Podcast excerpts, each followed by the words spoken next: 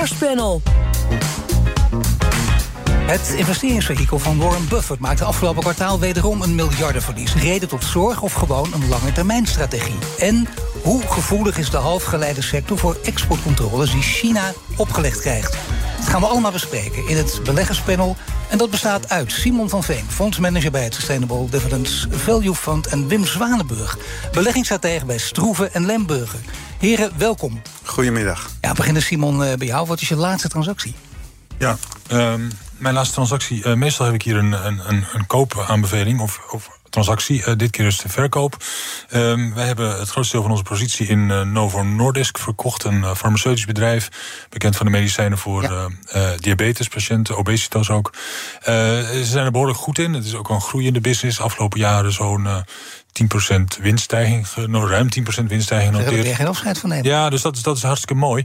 Uh, maar tegelijkertijd zie je dan dat um, de koers van het aandeel het eigenlijk nog veel beter heeft gedaan. Dus sinds we het uh, eind 2020 gekocht hebben, het aandeel, is het de koers zo'n 150% gestegen.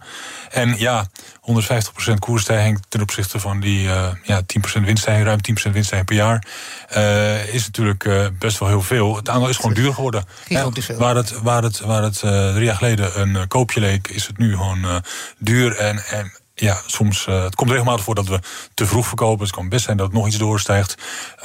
maar het is gewoon heel moeilijk om het, om het nu nog goedkoop te noemen.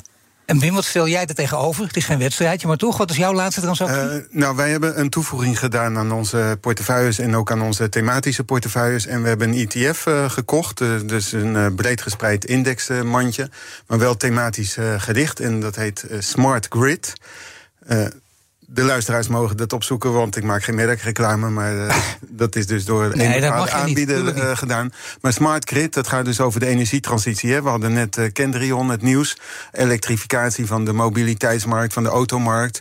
Dus er is een grote vraag naar en, een overbelasting van het net. En dit is een hele breed gespreide in nieuwe technologieën, maar ook in utilities, waarmee zeg maar de overgang smart grid, dus zeg maar de overgang naar nieuwe energievormen mogelijk wordt gemaakt. Goed, dan gaan we nu praten over ASM International, ASMI. Kwartaalcijfers worden laat op de dag pas eh, bekendgemaakt. Maar we gaan even kijken naar het verschil tussen beide. Want zelfs beleggers in die wereld worden het af en toe nogal een beetje door elkaar gehaald. Hoe zit het ook alweer? ASMI en ASML? Nou, uh, ASMI zoals het vaak wordt uh, aangekondigd, is dan het kleine broertje. Maar zit natuurlijk toch echt wel in een heel specifiek segment uh, van, van, van, van de markt, hè, zoals dat heet. En ik mag even, even spieken. ze zijn heel sterk in de ALD-technologie. dat, dat is atomic layer disposition. Er worden laagjes chemie zeg maar, op de chip toegevoegd. En zodoende geleidt dat uh, nog beter en kunnen ze ook verder met de miniaturisatie en nog kleinere chips en inbouw in uh, andere apparatuur. En daarmee heeft uh, eh, ASMI een specifiek niche, terwijl ASML natuurlijk grote chipmachines levert, een toeleverancier van de brede chipindustrie is.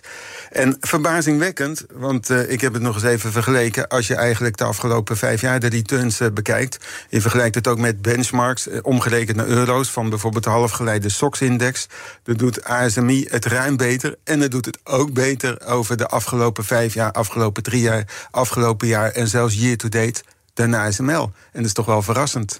En dat zal ook straks uit de cijfers blijken. Dat gaat ze, helemaal goed door. Dat ze kwamen eigenlijk al met een uh, vooraankondiging naar beurs op uh, 17 ja. uh, januari. Dus in dit geval was het een echte winstwaarschuwing een waarschuwing dat die winst dus fors hoger was en de omzet ook uh, hoger was. En niet zoals uh, vaak een winstwaarschuwing eigenlijk een winstalarm is dat het tegenvalt. Dit viel mee. Zeker. Kunnen jullie mij zeggen waar, waar dat succes eigenlijk vandaan komt? Van die, die hogere omzet, met name in het derde kwartaal? Eh, hoe zit dat precies? Uh, nou ja, de, de, de vraag naar de producten van uh, ASMI is uh, enorm toegenomen. ze hebben ook met de nieuwste producten wat minder concurrentie lijkt dan, dan, dan daarvoor hadden. zijn ja, verder lopen eigenlijk op hun, op hun concurrenten voor. En ehm, dat zorgt ervoor de, ja, de toename van het ordeboek. Uh, de, de omzetcijfers inderdaad al bekendgemaakt eerder. Winsten eh, die komen dan vanavond. En die zullen inderdaad waarschijnlijk eh, flink hoger zijn, is de gemiddelde analistenverwachting. Ja, want je ziet dat uh, Barclays en Berenburg, heb ik gezien, die hadden het, die hadden het koers al weken geleden al verhoogd. En dan zie je meteen op de reactie van beleggers op die kwartaalcijfers. Ja, ja, dus de koers en, van het aandeel is dit jaar al 37% gestegen ongeveer. Ehm, dus de koers is natuurlijk al, anticipeert al op een flinke winststijging die, die daar aangekondigd gaat worden. Nou ja, die is uh, volgens de meest recente gemiddelde taxatie 69% ten opzichte van hetzelfde kwartaal in het uh, voorgaande jaar. Dus uh, ja, daar wordt het aandeel inderdaad voor beloond. En een half jaar geleden, en zeg maar in de herfst, zag je veel artikelen over ASMI. dat ze belemmeringen zouden hebben uit de exportrestricties die worden opgelegd hè, vanwege de geopolitieke spanningen. Ze, ze exporteren ook naar Azië. Uh, vooral naar China, maar ook naar Taiwan. En ja, daar zijn wel wat eh, restricties aan gebonden, maar daar lijken ze tot nu toe weinig last van te hebben. En in de hele distributieketen hebben zij ook nog weinig last van disruptie. Integendeel, een heel goed gevuld ordeboek, wat ook boven verwachtingen uitkwam. Ja, nu zie je wel een ander belangrijk verschil tussen beiden. Laten we ze toch maar even zo dan afkorten, ASML en ASMI. Dat ASMI eh, natuurlijk wel, je hebt jullie hebben het allebei al aangegeven... met concurrenten te maken heeft, ASML niet of nauwelijks. Uh, daarom wordt er ook uh, vaak door analisten zeg maar, een, een wat hogere uh, waardering aan, aan, aan ASML toegekend. En afgelopen najaar waren er juist heel veel zorgen over die hoge waardering die bij ASMI was in, in de koers geslopen. Maar ik denk dat ze toch wel een bijzonder niche te, te, pakken hebben. Ik volg nog een aantal andere halfgeleide chip-aandelen. En ja, ik moet zeggen, ik ben wel onder de indruk van de prestaties van ASMI, toch? Ja, er zijn wat bedrijven als Lam Research, Applied Materials uit de Verenigde Staten ja. Zijn dat serieuze concurrenten of niet? Uh, nou, allemaal wel. Nou, ik zou niet zeggen per se van, van, van ASMI. Ik kijk bijvoorbeeld ook naar Atomera. Dat is uh, zeg maar ook een, eh, een, een chipbouwer die uh, de hoogte ingaat, die laagjes erop legt. Hè. Dus als we niet in de breedte kunnen expanderen, dan gaan we de hoogte in. Dat is in de fysieke infrastructuur zo en dus ook in de chipindustrie zo. En ja, ik denk toch dat ASMI daar wel een bijzondere technologie te pakken heeft. En duurzaam concurrentievoordeel, dat is iets waar beleggers natuurlijk op uit zijn. Ik denk dat ze dat wel uh, gevestigd hebben. Ja, en je kunt ook geen, geen pagina openslaan van wat voor blad ook, vakblad. Uh, nou ja, elke uitzending misschien ook wel. Het gaat nu ook weer gebeuren. Dan valt het woord parel. parel. Dat wordt voortdurend aan deze beide bedrijven gekoppeld. Is het langzaam overdreven? Moet je oppassen niet in die euforie mee te gaan, Simon? Of denk je van nou, dat is gewoon terecht in dit geval? Nou, eh, het, is natuurlijk, er zit natuurlijk zeker uh, wat in. Dat het uh, bijzondere bedrijven zijn. Dat ze uh, een mooie niche te pakken hebben, zoals Wim ook zegt. En, en, en dat ze ja, gewoon een hele lange, belangrijke rol spelen op de wereldmarkt. Voor, maar blijvend, hè? blijvend weet je nooit. Zeker niet in deze tijden, maar wel, wel heel lang. Wel maar dat is het natuurlijk wel zo. de positie van ASML is, is nu veel sterker dan bij de vorige generatie machines. Um, en, en, ze hebben nu, wat je zegt, ook eigenlijk geen concurrenten. Uh, maar bij een volgende generatie kan dat natuurlijk weer anders zijn. Dat vinden we ons nu heel moeilijk voor te stellen. En uh, het aandeel is geprijsd alsof er uh, ja, nooit serieuze concurrentie meer zal zijn. Maar dat is natuurlijk wel degelijk een risico. Nee, een eeuwigdurend monopolie, dat lijkt me voor dat weinig, is onwaarschijnlijk. Dat, dat, is, dat is onwaarschijnlijk. Uh, is het een monopolie in de, in de ja, afzienbare toekomst... De, waar, waar de meeste beleggers naar kijken? Ja, waarschijnlijk wel de komende jaren. Maar maar je weet het niet wanneer er een nieuwe. nieuwe nee, het is heel gevaarlijk. En ik mag het technologie jullie nooit op vastbinden, maar je kunt toch wel. Of ik mag er niet op vastbinden, maar je kunt toch wel zeggen: de komende tien jaar zitten ze wel goed wat dat betreft. Dat lijkt me heel gek. Waardoor ook als je de geluiden hoort uit de. Ja, de Chinezen moeten wel heel erg tempo maken. Willen ze met een, met een gelijkwaardige concurrent. Nee, dat klopt. En, en, tien jaar is natuurlijk best, uh, best een hele lange tijd voor. Uh, voor veel beleggers. Dus, dus daarom uh, ja, is, is het aandeel zo geprijsd. Ja. Technologische voorsprong, maar als je kijkt naar de totale chipmarkt... en dan moet je natuurlijk onderscheid maken tussen de geheugenchip... de sensoren enzovoort en de microprocessors. Ja. Hoogwaardige chips. chips. Dat, uh, ja. ja. nou ja, dit zijn uh, basic tekstboeken van, van de halfgeleide sector. Maar het is natuurlijk een cyclische industrie. En ook ASMI heeft gewoon afgelopen jaar in 2020... bijvoorbeeld ook aan, aan winstgroei ingeleverd... zelfs krimp te zien gegeven even. En dan natuurlijk uh, in 2021 met vele tientallen procenten en nu nog weer uh, extra. Uh, maar de vooruitzichten zijn natuurlijk prima. Hè, met 5G-toepassingen in de mobiele telefonie. op gebied van mobiliteit. En natuurlijk het topic, hot topic. Je noemt het al, AI, artificial intelligence, kunstmatige intelligentie. En de, de, de afgelopen week gaat bijna iedere conference call in de technologie sector... wordt dat onderwerp aangeroerd. En daarvoor zijn wel nieuwe, hele snelle chips nodig. En nieuwe generaties. En ASML en ASMI dragen daaraan bij. Ja, dat is wel een heel serieus ontwikkeling die je nu benoemt. Want dat was, in die conference calls ging het er wel vaak over... maar op een andere manier. Dan was het toch een beetje, we kijken vooruit. Dat is nu heel concreet. De fantasie wordt nu echt ook uh, werkelijkheid. Dus dat is zeg maar een next uh, stepping stone, een mijlpaal. Maar inderdaad ook wel echt een, een trede naar boven. Dus technologie, afgelopen jaar heeft dat enorm onder druk gestaan... vanwege hoge waarderingen, terwijl tegelijkertijd vanwege de hogere inflatie de rente opliep. Dus toekomstige kaststromen, om even als analist te spreken... verdisconteerd, omgerekend naar de huidige waarden... die waren dan wat minder waard. Maar nu zien we zeg maar, de prognose voor die toekomstige kaststromen... toch weer flink groeien. En als je dan kijkt naar eh, de hoge rente, dan wil je ook weten wat zal de invloed daarvan zijn. En met name bij ASMI, gaat dat tegenwerken of gaat het in het voordeel werken uiteindelijk? Wat denk je, Simon? Nou ja, de, de, de, de hoge rente heeft dus een, is nadelig voor, ja, voor aandelen met uh, sterke groeiprofielen. Omdat je dan veel toekomstige kaststromen hebt ten opzichte van de huidige kaststromen. En dan ja, ga je die toekomstige kaststromen tegen hoge rente verdisconteren. Blijft er iets minder van over. En daardoor ja, zijn die technologieaandelen net iets minder aantrekkelijk dan een jaar geleden. Uh, maar, maar als de onderliggende business maar hard genoeg groeit, en dat is natuurlijk wel het geval, ja, dan worden die bedrijven toch meer waard. En dan moeten we ook kijken, jullie hebben dat allebei al eh, in een bijzin genoemd, het woord geopolitiek. Eh, beide bedrijven zijn natuurlijk een speelbal van de geopolitiek, met name ASML. Daar wordt ook voortdurend logisch ook eh, door beleggers heel scherp naar gekeken. Mogelijk exportverbod hè, vanuit de VS en Europa tegen China, dat kan nog een struikelblok worden. 16% van de totale omzet in de eerste negen maanden van, van vorig jaar, 2022, kwam uit China. Is dat iets waar beleggers ook, ook heel veel rekening mee houden? Nou, ik, ik, denk wel dat het een, een risico is. Kijk, op het moment dat de handelsoorlog tegen, tussen Amerika en China een, een volgende fase ingaat, bijvoorbeeld omdat China eh, partij voor Rusland trekt in het Oekraïne-conflict, dan, dan, ja, dan uh, uh, kan het zo zijn dat het bedrijf daar last van gaat krijgen en dat die omzet richting China onder druk komt te staan. Ja, hier last van krijgen ook over natuurlijk onderhandelingen met de politiek, die per definitie achter eh, gesloten deuren plaatsvinden, zeker op dit niveau nu. Maar ja, dat speelt ook een rol. Ja. Over transparant gesproken, nul transparantie. Uh, ja, heel veel van die onderhandelingen die gebeuren achter de schermen, klopt. Ik denk dat het een beetje valt te relativeren, Paul. Want uh, we hadden het in, in een eerder uur al over de Chips and Science eh, Act. Dat is een steunwet in de VS om de halfgeleiderindustrie meer naar Amerika te halen. Dus zeg maar de omzet uit China die wegvalt, wordt mogelijk ruimschoots gecompenseerd door nieuwe omzet uit extra chipfabrieken in, in de VS. BNR Nieuwsradio. Zaken doen. Paul van Liemt zitten midden in het beleggerspanel. Vandaag met Simon van Veen, fondsmanager bij het Sustainable Dividends Value Fund... en Wim Zwanenburg, beleggingsstratege bij Stroeven en Lemberger. Ja, Berkshire Hathaway, dat is het investeringsvehikel van uh, de belegger Warren Buffett... heeft afgelopen jaar een nettoverlies van 22,8 miljard gemaakt. Dat blijkt uit de laatste kwartaalcijfers van het bedrijf.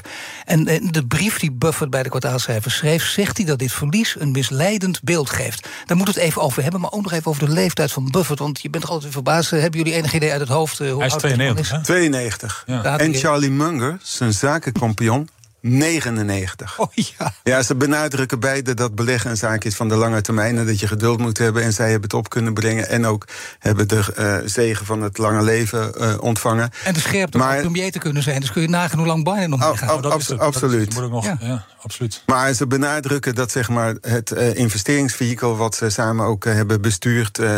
een nog langer leven beschoren is. Dus dat het ook als een van de twee... of zij beide zouden wegvallen... dat er vooruit vooruitzichten voor eh, Berkshire Hathaway als conglomeraat en als beleggingspool nog steeds uh, goed zouden zijn. En historisch gezien heeft het hele mooie prestaties neergezet. Nou wijst uh, met name Warren Buffett altijd bijna licht geïrriteerd... ook hè, bijna elk jaar weer altijd misleidend beeld. Dat is ja. toch eigenlijk heel gek. Ja, van die kwartaalcijfers. Kijk, ze hebben dus die beleggingspool... En volgens boekhoudkundige afspraken moeten ze de verliezen op die aandelenportefeuille, die Buffett natuurlijk ook heeft uh, geleden afgelopen jaar, moeten ze verwerken in het resultaat. Dus Zijn investeringswinkel leed een, een, een, verlies van 22,9 miljard dollar. En dan zijn ja. inderdaad weer misleidend. Dat is volgens de boekhoudregels. Maar volgens de boekhoudregels. Zegt zelf, jongens, ik beleg in bedrijven, ik beleg niet in aandelen. Dus ik kijk gewoon naar de onderliggende winstontwikkeling bij die bedrijven waarin ik beleg. Nou, voor een deel zijn het niet beursgenoteerde bedrijven, dus dan is dat heel logisch. Maar hij doet hetzelfde bij de beursgenoteerde bedrijven en zegt dan, nou, we hebben gewoon een lichte winststijging geboekt vorig jaar ten opzichte van het jaar daarvoor.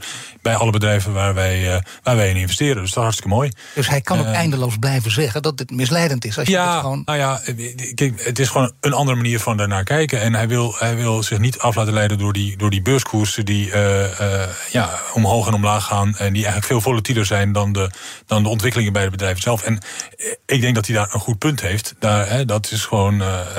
dat is uiteindelijk waar het om gaat. Die lange termijn waardeontwikkeling van de, van de bedrijven waar je in zit. Maar dat neemt natuurlijk niet weg dat je op korte termijn... ja, moet je toch rapporteren hoe die koersen zich ontwikkelen. Dus hij voelt zich verplicht om toch die 22 miljard op papier te zetten. Hij moet zich houden aan de regels, maar als analist ben ik natuurlijk toch blij met zijn opmerkingen. Want het geeft ons ja. wat te doen om inderdaad die onderliggende cijfers en trends te analyseren. En de beurskoers is wel de koers, maar niet per se de waarde. Eén citaat van hem kan ik jullie toch niet onthouden. Luisteraars ook niet wanneer u wordt verteld dat alle terugkopen van aandelen schadelijk zijn voor aandeelhouders of voor het land. Ja. Of in het bijzonder gunstig zijn voor CEO's. Luistert u naar een economisch analfabeet of naar een demagoog met een zilveren tong. Zegt hij ook nog bij karakters die elkaar niet uitsluiten. Ja, nou, we hebben dit pleidooi trouwens tegen de inkoop van eigen aandelen vandaag op BNR uh, vaker gehoord. Hè. Vanmorgen ja. hoorde ik nog een Kamerlid van de Partij van de Arbeid die scherp gekant was uh, tegen inkoop van eigen aandelen. En Warren Buffett die zegt van ja, ik meng mij niet zo vaak in die politieke strijd. En ik, er zou mij een lobby worden verweten. Maar hier moet ik toch inderdaad even, even zeggen dat inkoop van eigen aandelen niet altijd ten laste gaat van het maatschappelijk nut als geheel. Want ondernemingen moeten toch letten op het rendement van investeringen. Natuurlijk ook het doen van nieuwe investeringen. Maar ook op het uh, totale balansmanagement. En veel ondernemingen die zijn bij een lage rente eigenlijk zelfs te conservatief uh, uh, gefinancierd. Erik, ik wil in dit panel ook PostNL natuurlijk niet laten liggen. Moet het jaar snijden in de boekhouding. zo moeten er in 2023, dit jaar, tussen de 200 en 300 medewerkers op kantoor vertrekken. En dat komt allemaal door het verlies dat PostNL draaide in het laatste kwartaal van vorig jaar. Ja. geen verrassing dan? Nee, het is niet helemaal verrassend, want, want wat we natuurlijk al eerder zagen was dat uh, allerlei bedrijven die uh, nou ja, online uh, retailing doen, hè, Amazon en, en Coolblue en Bol.com, die kwamen ook al met teleurstellende cijfers over vierde kwartaal tegenvallende omzetontwikkeling.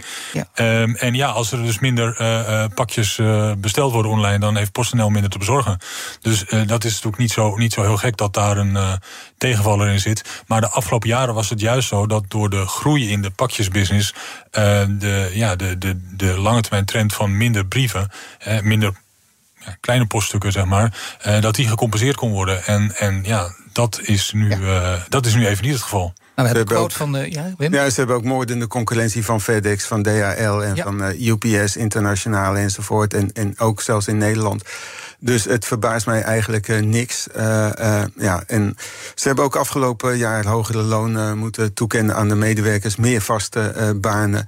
Dus ik denk, ja, PostNL voor beleggers hebben ze de trend tegen. Sommige beleggers worden verleid door het zeer hoge dividendrendement. Maar je moet altijd kijken wat de onderliggende trend is en of dat dividend valt te handhaven. Ja, en die onderliggende trend is gewoon niet zo positief. Die ook is niet positief voor beleggers. Luistert. En ze zegt ook wereldwijde macro-economische omstandigheden waar we het hier over hebben, de geopolitieke omstandigheden, recordinflatie, consumentenvertrouwen, dat een absoluut dieptepunt bereikt, die cocktail. Ja, dat lijkt. Kijk je wat ja, dat, dat is een hele mooie excuusmix in dit, uh, dit, dit geval. Ja. Uh, maar ik kijk toch naar de structurele trends en naar de ja, concurrentieverhoudingen. En uh, het rendement over de afgelopen jaren is echt ja, voor, voor beleggers bedroevend. Dus wij kijken meer naar de groeimogelijkheden. Simon, mag ik van jou één, uh, we kunnen heel lang terugblikken, dat doen we niet, één terugblikje, cijferseizoen langzaam op gang. Uh, als je dan één cijfer noemt, dat je is opgevallen. Um, wat mij het meest is opgevallen in het afgelopen cijferseizoen. Uh, nou ja, ik, in het algemeen kan ik gewoon zeggen dat veel bedrijven het, het eigenlijk uh, nog best goed deden. Dat die gewoon zagen dat de, de omzetten en de, en de, de winsten uh, toegenomen zijn. We noemen, bespreken net een uitzondering PostNL, maar dat is echt ja. een uitzondering. De meeste bedrijven hebben het gewoon goed gedaan. En uh, weliswaar zijn ze wat voorzichtiger hè, voor het komende jaar. En dat komt met name op het door het kostenaspect zien salarissen stijgen, zien energiekosten stijgen. Uh, maar, maar in de, de rapportage over Q4 vorig jaar deden de meeste bedrijven gewoon heel goed. Ik dank je. Simon van Veen, fondsmanager bij het Sustainable Dividend Value Fund... en Wim Zwanenburg, beleggingsstratege bij Stroeven en Lemberger. Beleggerspanel wordt mede mogelijk gemaakt door Annexum... al meer dan 20 jaar de aanbieder van vastgoedfondsen. En dit panel is ook te beluisteren als podcast. Abonneer je vooral even via jouw favoriete kanaal of via de BNR-app. Straks duiken we in de politieke thema's van de provinciale statenverkiezingen.